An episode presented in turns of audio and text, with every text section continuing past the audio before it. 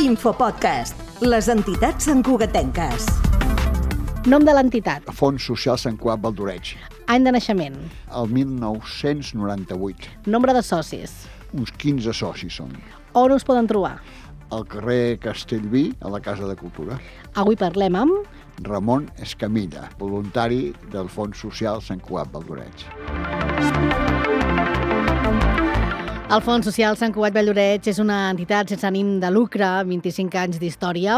Aquesta associació solidària va néixer gràcies a Maria Antònia Gili. La seva voluntat d'ajudar una persona va ser l'inici d'una marea solidària. En aquella època, persones que aquí els donaven els papers, doncs havien d'anar al seu país per recollir en el consulat espanyol aquells papers. Això va trobar plovant al carrer i què què passa? És que m'acaben de dir que em donen els papers però no tinc diners per pagar-me un viatge d'avió d'anada i tornada per anar a buscar els papers. Parlant amb el seu marit van dir, home, ja que la coneixem podem ajudar-la. Fem-ho. Ella va respondre, li van donar els diners i ella a poc a poc els va retornar. Va ser quan van eh, pagar uns voluntaris, uns amics d'ells, escolta'm, tu hem de fer un petit fons per tal de que puguem donar. I si ells en retornen, aquest fons pot ser autosuficient. Tu dones i retornen, tu dones i retornen. I d'aquesta manera va, va començar.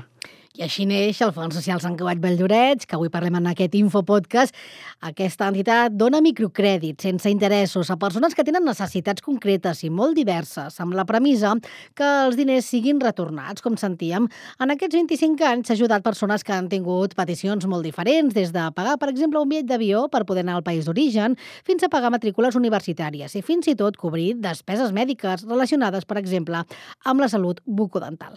L'entitat no limita el nombre de vegades que una persona pot sol·licitar l'ajuda. De fet, prefereix més d'una sol·licitud que una de sola i de gran quantitat. Els requisits, estar censat a Sant Cugat, tenir feina i capacitat de retorn. Són microcrèdits, és a dir, que preferim, en tot cas, de que ells, si tenen una necessitat que és recurrent, de que ho facin a base de demanar diversos préstecs un darrere l'altre. De tal manera que el préstec promig que estem donant, de, de aquests 25 anys, és de 1.335 euros. Hi ha gent dels 2.500, però hi ha gent també de 500 o 800 euros. O sigui, aquests 25 anys, per nosaltres, ha estat l'èxit de la responsabilitat i de la solidaritat de les persones que han rebut La mitjana anual de persones ajudades és, de fet, unes 130, tot i que des de la pandèmia per la Covid-19 aquesta xifra s'ha reduït un 50%. De fet, aquell any, el 2020, es van poder assolir només 60 operacions, una dada que encara ara, el 2023, s'està recuperant.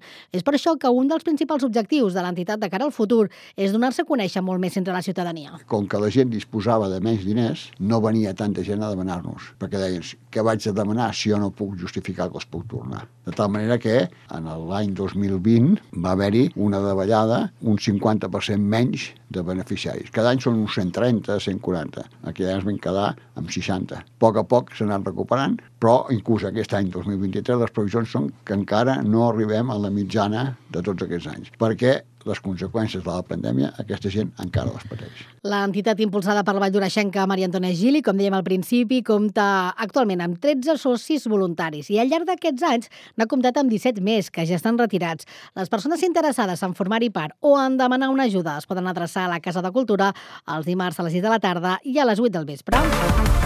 L'Infopodcast és una producció de Ràdio Sant Cugat i la xarxa.